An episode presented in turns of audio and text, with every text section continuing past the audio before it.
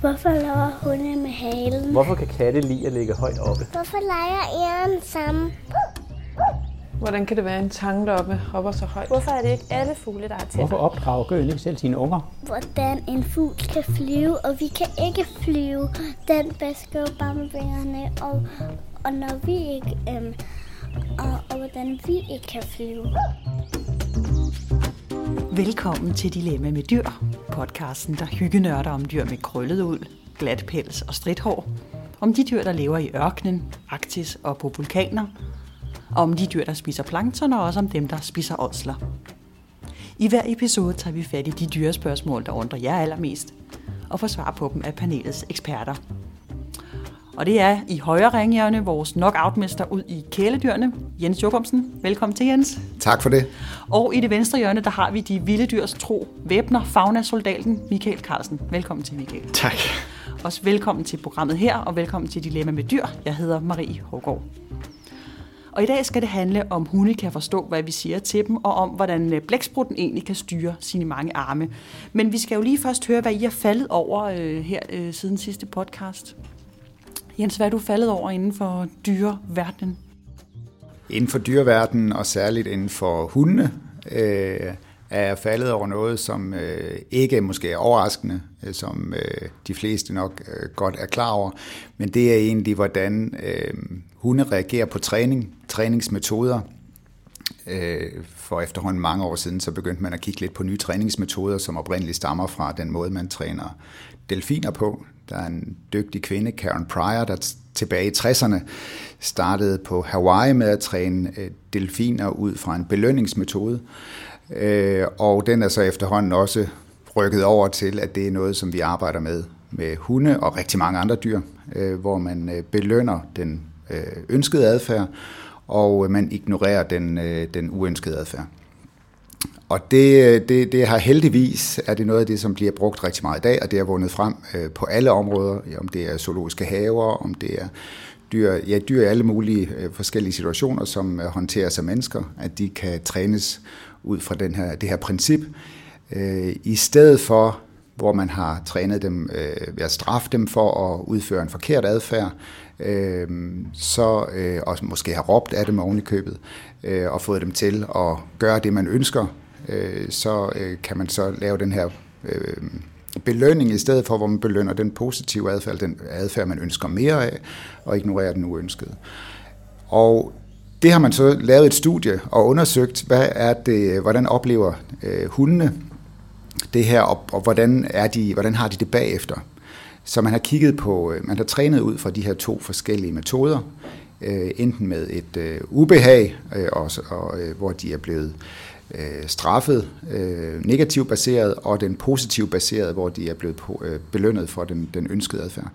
Øh, og der har det faktisk vist sig, at på den lange bane, jamen så øh, er de mindre motiverede, øh, de mere usikre, de hunde, som er, øh, er blevet trænet ud fra den her negativt baserede træning, hvor de øh, hunde, som er blevet trænet ud fra den positivt baserede træning, øh, er meget mere motiveret øh, og øh, ikke usikre øh, på, på den lange bane.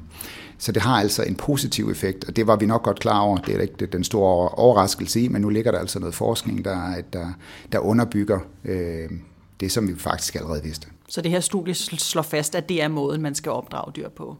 Det er helt klart måden at træne dyr på, og den træningsform kan også bruges på mennesker. Så det er bare at, øh, at prøve det af derhjemme, øh, og rose hver gang, der er gjort noget godt, og så kan man jo så prøve at ignorere, når der er gjort noget, der ikke er så godt. Men øh, det er ikke kun på ens øh, hund, det kunne også være både ægtefælde og øh, børneopdragelse, hvor det kunne fungere rigtig glimrende. Så det er bare med at komme i gang med at prøve det af derhjemme. Det kan man jo tage til sig, om man har børn, ægtefælde eller hund. Ja. Michael, hvad er du øh, faldet over? Her for, øh, her for nylig, nu er det jo sådan nogle gange, når man kigger på sådan nogle små dyr ude i naturen, der er jo vanvittigt vildt mange af dem, øh, øh, så, så dem, jeg kan jo ikke gabe over alle arter, så nogen må jeg sådan pakke væk til de lange, mørke efterårsaftener. Øh, øh, og det gjorde jeg for eksempel her med, med Rød Ninja. Rød Ninja? Øh, Rød Ninja. Er, er, er, du, er, du, er du helt sikker jeg er aldeles sikker. Det er, det, det er dyrenavne, dyrenavne er lidt øh, forskelligartede, og, øh, øh, øh, og Rød Ninja øh, øh, er sådan en, en jæger, som er mest ude om natten, hvor den lister afsted i vegetationen, og så er lynhurtigt, når den overmander sine ofre og tager livet af dem. Det er en, øh, det er en æderkop. Bortset fra, at, øh, at rød ninja, den findes altså på rigtig øh, tørre kystlokaliteter. Den kan også findes på sandede lokaliteter inde i landet. Så den er egentlig relativt sjælden i Danmark. Og i sommer havde jeg den store fornøjelse at finde den på min svigermors sommerhusgrund, som ligger lige ud til kysten, øh, øh tage billeder af den, og det var det, jeg mente med at gemme det til de mørke efterårsaftener, fordi jeg har ikke rigtig haft tid til at kigge på den, det har jeg så gjort nu. Og så kunne jeg jo så finde ud af, at den kan jo også spænde de her spind, ligesom andre æderkopper. Øh, øh, og vi kender det jo mest fra, når de bygger broer rundt omkring, eller øh, øh når de bygger spind til at fange andre insekter i. Øh, men de kan faktisk også bruge dem til at flyve med. De små unge æderkopper kravler op, for eksempel i et græstrå eller andre steder, og så spænder de sådan en lang tråd. Og på et eller andet tidspunkt, når tråden bliver lang nok, så, øh, så kan den bære i vinden, øh, øh og så slipper æderkoppen, og så bliver den bragt af vinden over nogle gange lange, lange strækninger. Øh, øh, når det her det er lidt interessant i forhold til sådan en, en rød ninja, så er det fordi rød ninja gør det faktisk ikke ret tit. Øh, øh og det hænger sammen med, at den er så specialiseret, som den er, så den skal bruge de her tørre kystlokaliteter. Og sandsynligheden for at finde sådan en, hvis man lige smækker et spænd i luften og lader sig tage med vinden, den er ikke ret stor. Så, så, så det interessante var egentlig, at de æderkopper, som er mere specialiseret med hensyn til, øh, øh, hvor de bor, øh, de gør det ikke ret meget. Dem, som kan sige, jamen, det er sgu lige meget, hvor jeg lander. Alt er godt, øh, øh, øh, bare jeg lander et sted, så skal jeg nok øh, få en tilværelse ud af det. Øh, de gør det rigtig, rigtig tit og rigtig meget. Øh, og det kan jo være sindssygt flot. Jeg har engang set sådan en helt strandingssø dækket af silke i nedgående sol, så den set mod solen. Simpelthen fordi der har siddet millioner af små æderkopper, som på samme tid har tænkt, i dag er dagen. Det er bare nu, vi skal spænde vores spænd. Og så kan man se alle de der spænd som et helt tæppe, der dækker øen. Er der andet, der gør rød ninja en ninja-agtig? øh, nej, altså den er, øh, den er jo som, som ninja er sådan en, der lister afsted i natten. Den er, den er mest sort i farven egentlig, man har rød, øh, rødbrun forkrop. Øh, øh, øh, og også den, den inderste del af benene er rødbrun, så den er egentlig sådan ret flot æderkop, øh, øh, sammenlignet med så mange andre. Jeg kan lide skildpadder. De har nogle på skjold. Hvorfor kan du godt lide skildpadder? Fordi jeg elsker dem. Det første spørgsmål det kommer fra Anders, der gerne vil vide, hvordan de dyr med øjne på siden af hovedet øh, egentlig ser. Og det er jo ret interessant, fordi vi mennesker, vi laver jo et billede med vores øjne, der sådan er, er fremadrettet. Men, men hvad med for eksempel øh, kaskelotvalen? Den har jo øh, øjne meget langt fra hinanden ude på siden af hovedet. Og, og, og hvis vi taler kæledyr, marsvin har jo også øjne øh, på siden af hovedet. Hvordan danner de danner de sådan et helt billede? Eller hvordan ser de? Øh, øh det ved man ikke nødvendigvis så meget om præcis, hvordan ser det ud for dem øh, øh inde i hovedet. Men, øh, øh men altså hvert øje ser jo hos dem øh, noget andet end det andet øje det meste af vejen. De fleste af de her dyr har nogle ganske små områder, hvor begge øjne ser samtidig. Altså det er ligesom vi kender det. Altså vi, vi ser jo verden med øh, binokulært syn, altså vi ser med begge øjne samtidig. Så, så næsten alt, hvad vi ser, er set samtidig af begge øjne, og derfor kan vi afstandsbedømme og, og andre ting rigtig, rigtig godt. Øh, øh, det gælder ikke altid de her dyr, der har øjnene siddende ude på siden af hovedet. Til gengæld, så kan de jo se rigtig, rigtig meget af deres omverden. Øh, øh, et af de mere ekstreme eksempler, det er sådan noget som skovsnippen, som er ganske almindelig i Danmark. Der sidder øjnene ikke bare ude på siden af hovedet, de sidder også sådan rykket lidt opad. Det vil sige, når den sidder nede på jorden, så kan den egentlig se nærmest 360 grader rundt om sig selv, men den kan også se over sig selv. Så den er jo virkelig, virkelig god til at opdage rovdyr. Til gengæld så kan den jo stort set aldrig se de der rovdyr med begge øjne samtidig. Jeg tænkte, på et tidspunkt, så, så tænkte jeg, altså, jeg ved, hvordan det her er. Altså det tætteste, jeg kunne komme, det var at gå hen til en dør. Øh, øh, sådan, du ved, når, man, når døren er åben, og man står og kigger med et øje ned på hver side af døren. Fordi så, øh, så er der faktisk ikke nogen øjnene der kan se det samme. Øh, øh, de ser hver sin side af døren. Øh, men alligevel, så danner jeg jo i hvert fald inde i hovedet sådan et helhedsbillede af mine omgivelser.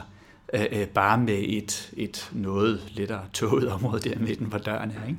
Men, men, men, men, men man kunne godt forestille sig, at de her dyr på samme måde kan, kan danne sig et eller andet helhedsindtryk af omgivelserne, også selvom at de jo, de jo mangler, og måske et større helhedsindtryk, end vi selv gør nogle gange. Ikke? Men hvorfor er det, at vi har vores øjne siddende på forskellig øh, vis. Altså det her med, at vi har to fremadrettede, og nogen har ude på siden af hovedet, og nogen, du fortæller også, Michael Skovstem, havde lidt, lidt mere rykket lidt højere op. Hvorfor er det sådan? Altså hvis man kigger på kæledyrene, så er kaninen øh, et ret godt øh, eksempel. Altså de har også det, som Michael siger, der er 360 grader, næsten 360 graders øh, vinkel på. De kan se øh, stort set alt. Og, og for kaninen, hvis vi kigger på, ikke at den er hjemme øh, hos sin ejer, men den er lever øh, frit ude i naturen og som vild, jamen så er det jo en øh, særdeles øh, stor fordel at kan se rundt og være opmærksom øh, på omgivelserne og hvad der kunne komme af rovdyr. Det kunne både være fra luften, men også øh, på landjorden.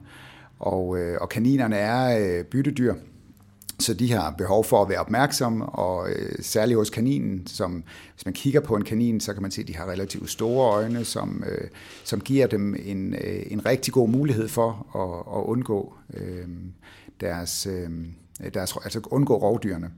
Men de har også en lille blind vinkel foran, øh, lige foran snuden, så hvis man holder sin hånd lige foran snuden, så kan de faktisk, øh, så kan de ikke lige se, øh, se hånden.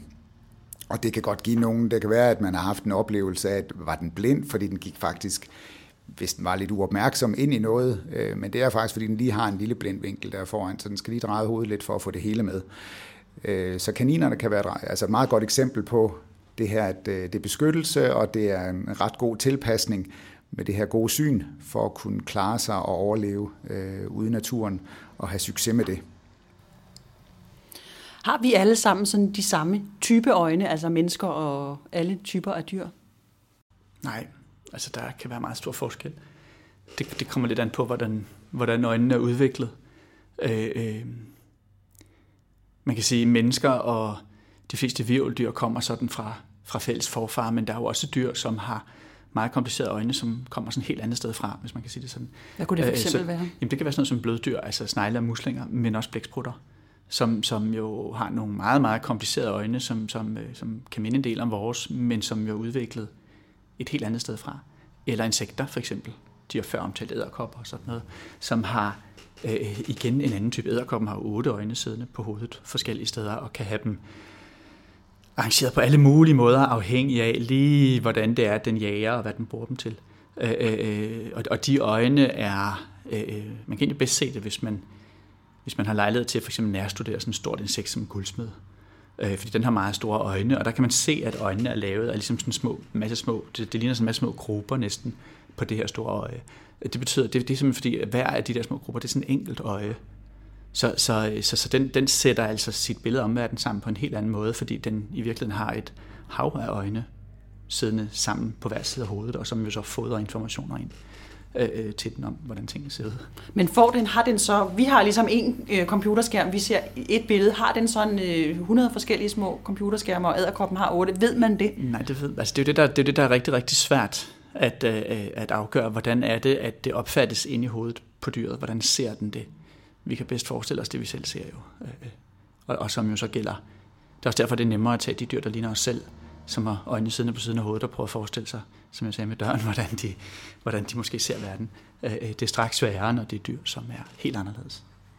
Og samlet set, så gør det jo dyrene enormt tilpasningsdygtige. Altså, nogen har jo meget bevægelighed i øjnene, og øh, fisk, der har fire øjne og kan kigge både over og under vandet, eller, eller flytte dem i alle mulige ekstreme retninger. Krybdyr som øh, kameleonen, som jo også er enormt fascinerende, hvordan de kan dreje øjnene rundt. Øh, så det, det gør dem jo enormt tilpasningsdygtige i det miljø, som de, øh, de så lever i. Hvad for nogle dyr synes du ellers er søde, ud over hundevalve og kattekillinger? Det synes jeg er delfiner. Det er den måde, de snakker på. Spørgsmål nummer to, det kommer fra Helle, der gerne vil vide, om hunde egentlig forstår det, vi siger til dem, eller om de ligesom bare lærer, at de får en godbid ved at gøre noget bestemt til de der mærkelige lyde, vi går rundt og siger. Det er et spændende spørgsmål, som er kommet der, og også meget relevant, fordi vi har øh, øh, troet før, at øh, det var bare sådan, øh, hvis vi brugte den rigtige intonation, altså den måde, vi siger det på, at så kunne vi egentlig sige hvad som helst, og der kunne gemme sig hvad som helst. Bare øh, øh, selve udtalen var, var øh, lød positiv og lys i stemmen, øh, så øh, tog øh, hundene det som ros. Og det har man forsket i og fundet ud af, at øh, de forstår faktisk, hvad vi siger. Så det er ikke nok bare med den intonation, men også den, øh, de ord, der ligger i det, vi siger. Øh, og det har man undersøgt ved at scanne øh, hundenes øh, hjerner og se, hvad er det for nogle centre, som bliver aktiveret alt efter, hvad der bliver sagt. Og derved fundet ud af, at de faktisk forstår mere, end vi egentlig troede. Og det kan vi selvfølgelig bruge, når vi skal træne med vores hund, at den måde, vi, altså det vi siger, øh, forstår de faktisk også. Så det er lidt interessant, at der er kommet sådan et, øh, en, en, en større viden på det område. Så de forstår simpelthen de ord, vi siger til dem? Ja, de forstår de ord, som, øh, som vi siger, så det er ikke nok bare at, at bruge tonelejet, øh, men også de ord, som der bliver, der bliver, der bliver sagt.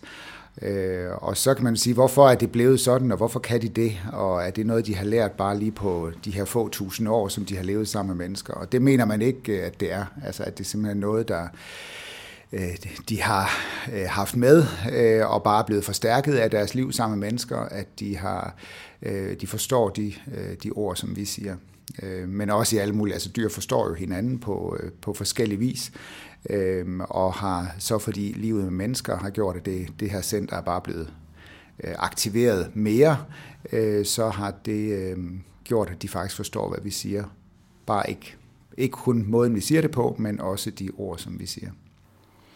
Michael, vores øh, nærmeste slægtning, de store aber, kan vi sådan kommunikere med dem, eller kan vi i højere grad tale til dem?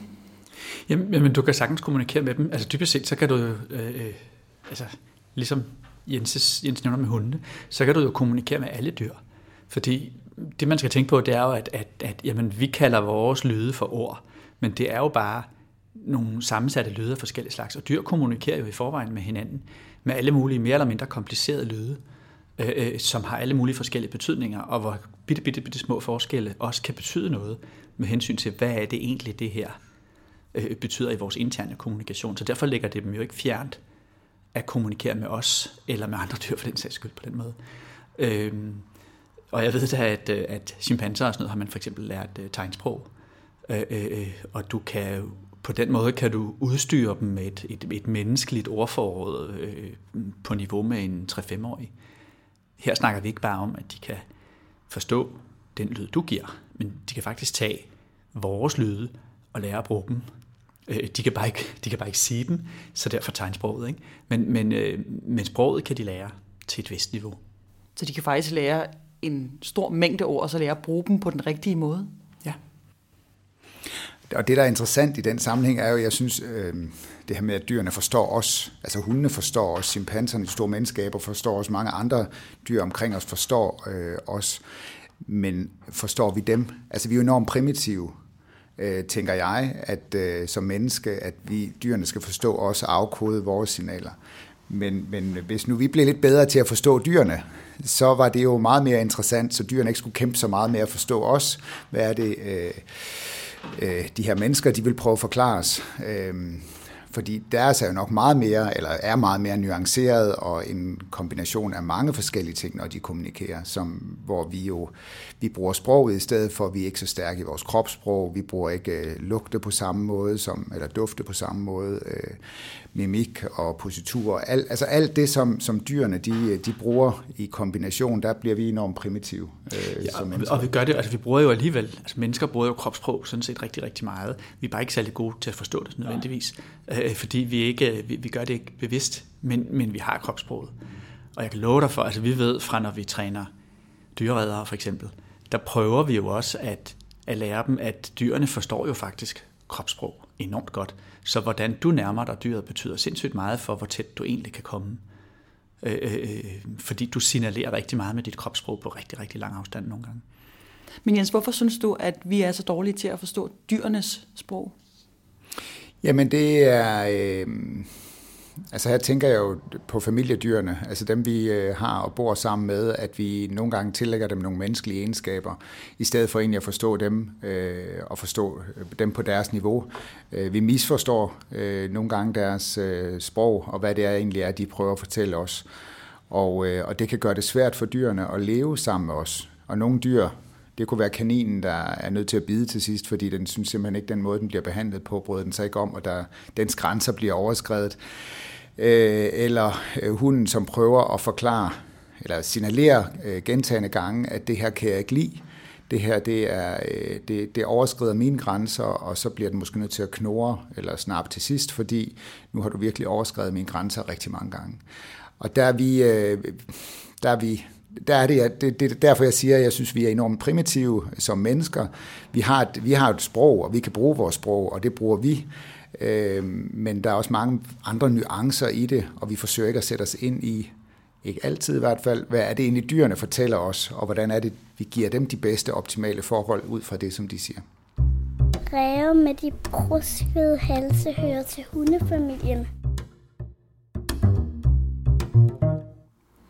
Vi trækker endnu et spørgsmål op fra hatten, og den her gang der lyder spørgsmålet sådan her. Hej panel, jeg vil høre, hvordan blæksprutten kan styre sine mange arme. Jeg har i forvejen problemer nok med at styre mine to styk.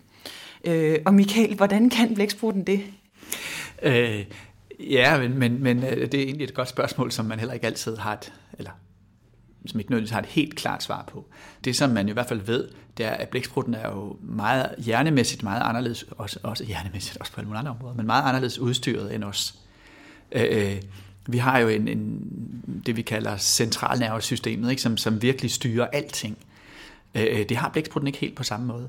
Den har, et, øh, den har en overordnet hjerne, men, øh, men den skal man måske mere forstå som, øh, som sådan en general, der styrer sine tropper men som jo godt kan give dem forskellige ordre, som den så ikke følger op på. Altså det klarer de selv derude, fordi der ligger nemlig noget, der svarer til en lille hjerne i hver eneste arm.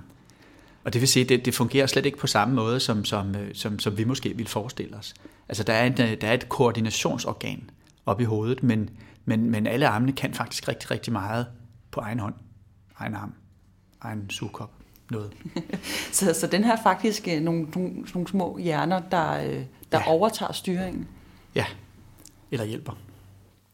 Men det er jo ikke øh, kun blæksprutten, der har mange arme. Altså elefanten, den har jo også en snabel. Hvordan, ja, det er jo ikke en arm, nej. nej, præcis. Men hvordan styrer den så sin snabel? Har den så også sådan en ekstra øh, general der? Nej, altså der, der kan man sige, altså elefanten ligner jo også langt mere, fordi den, den også er et pattedyr. Øh, øh, og, øh, og, og snablen, det er sådan en, øh, ja dybest set så er det sådan en slags sammenvoksning af næse og overlæbe. Øh, jeg ved ikke sådan om, man kan forestille sig, hvordan naboen ville se ud, hvis det begyndte at ske derinde. Men, men, øh, men, men det er jo sket over rigtig, rigtig lang tid.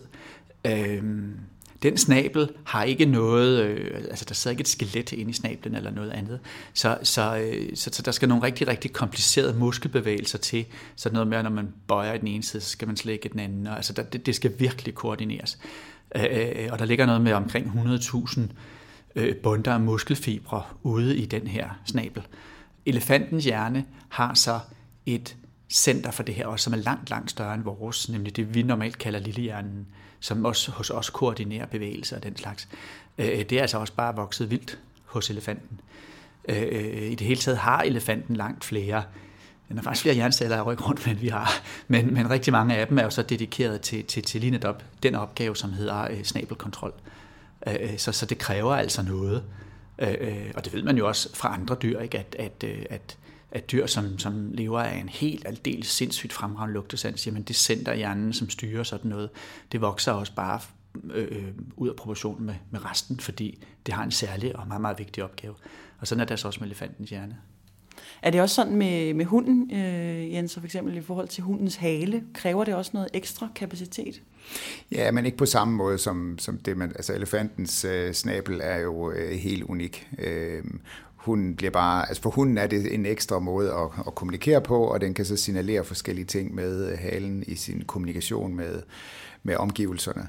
Øh, og det er jo lige fra en rejst hale helt i top, eller at halen bliver nærmest øh, krøllet helt ned under, øh, under hunden. Men det betyder ikke, at en hund uden hale ikke kan klare sig, eller bliver øh, analfabet.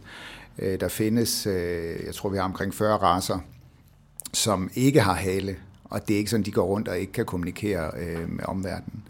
Øh, så, så, så det fungerer ikke helt på samme måde. De kan sagtens klare sig uden og finder bare andre måder at kommunikere på. Hvor elefanten er, er ret afhængig af den der øh, det fine snabel og veludviklede snabel, som den har. Jeg kan lide en kat, fordi at det, de kan bare hoppe højt op. Det kan de bare. Og de, kan også, og de tør også hoppe ned igen. Sidste spørgsmål kommer fra Claus, der undrer sig over det her med, at vi mennesker, vi går ret meget op i vores øh, fødevaresikkerhed, og at vores fødevarer, de er øh, friske og også gerne øh, i, i køleskabet. Og der kan det jo godt virke, i hvert fald set fra øh, sådan et menneskesynspunkt, som om dyr, de bare æder løs. Men hvordan forholder det sig egentlig med det?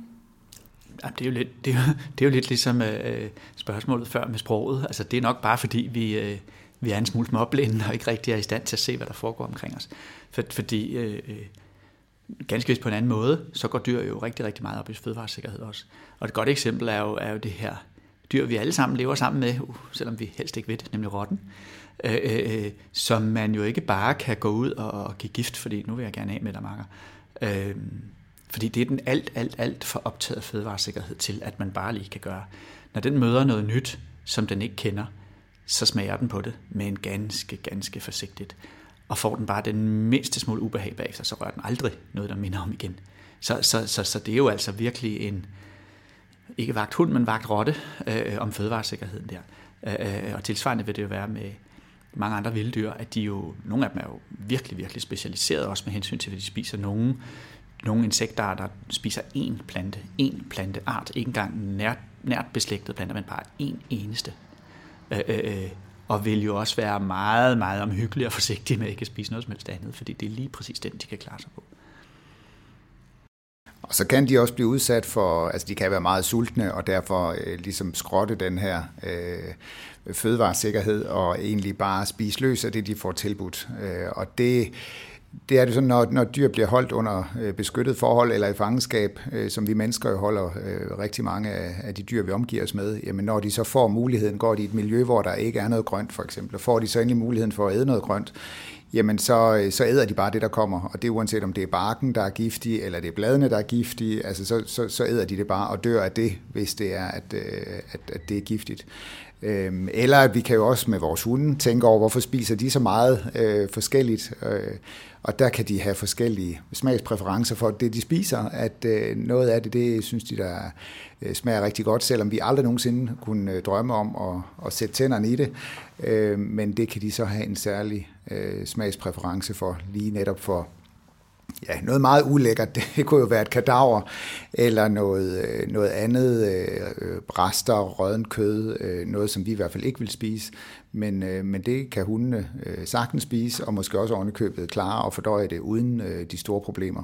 Øh, ellers kaster de det op igen, øh, men så tog de chancen, og, øh, og så øh, fik de det prøvet af i hvert fald.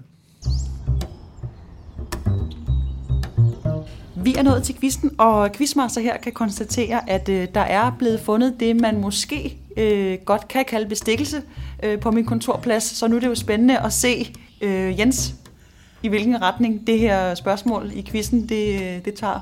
Det bliver rigtig spændende. Ja. Jeg glæder mig som altid, altid, jeg gør ikke? altid, altid til den her sidste del af podcasten. Ja. Jamen, jeg kan sige så meget, at det er et øh, flyvende dyr, og dets navn indeholder et våben, som man typisk kender fra Persien.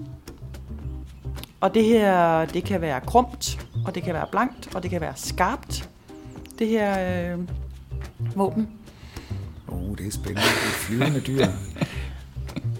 Hvad siger du, Michael? Du plejer jo øh, plejer at være over i insektverden øh, her. Ja, der er mange flyvende dyr, og jeg er en lille smule blank lige nu. Ja, det er øh, noget... Navnet indeholder det her våben, som man kan skade andre med. Øhm, og det er spidst, det her våben. Og øh, det ja. lille flyvende dyr er et insekt. Så kunne man, hvis det var en fisk, kunne det være en sværdrager. Bestikkelsen har ikke været stor nok i den her uge, Michael. Så. Nej, åbenbart ikke. Altså, det er trist. Altså, det må jeg jo, det må, den sag Der skal må jeg mere bestikkelse på. til for at få nogle hint, hint. Det dyr, som jeg tænker på, det er en sabelvips. Ah, ja. Det, det var Som jo så i øvrigt også har sablen i den anden ende, den er sagt. Ja. Men bestikkelse, det er vejen frem. Det er, det er, nu er det sevet ind her. hos mig også, at det er den vej, vi skal for, at øh, hvis jeg også skal have nogen i den anden øh, grøft, øh, så det ikke kun er insekterne. Vi må ja, se, om der kan komme nogle ikke-insektrelaterede spørgsmål, Jens. Nemlig, det må jeg glæder mig øh, allerede. Se på øh, mit skrivebord her det næste, det næste stykke tid. Ja, jeg glæder mig allerede. tak til jer, Jens og Michael, fordi I ville være med, og også tak, fordi I lyttede med derude. Husk, at I altid kan stille et spørgsmål til det kloge panel på dilemmasnabelagdyrenesbeskyttelse.dk, altså dilemmasnabelagdyrenesbeskyttelse.dk. På genhør. thank you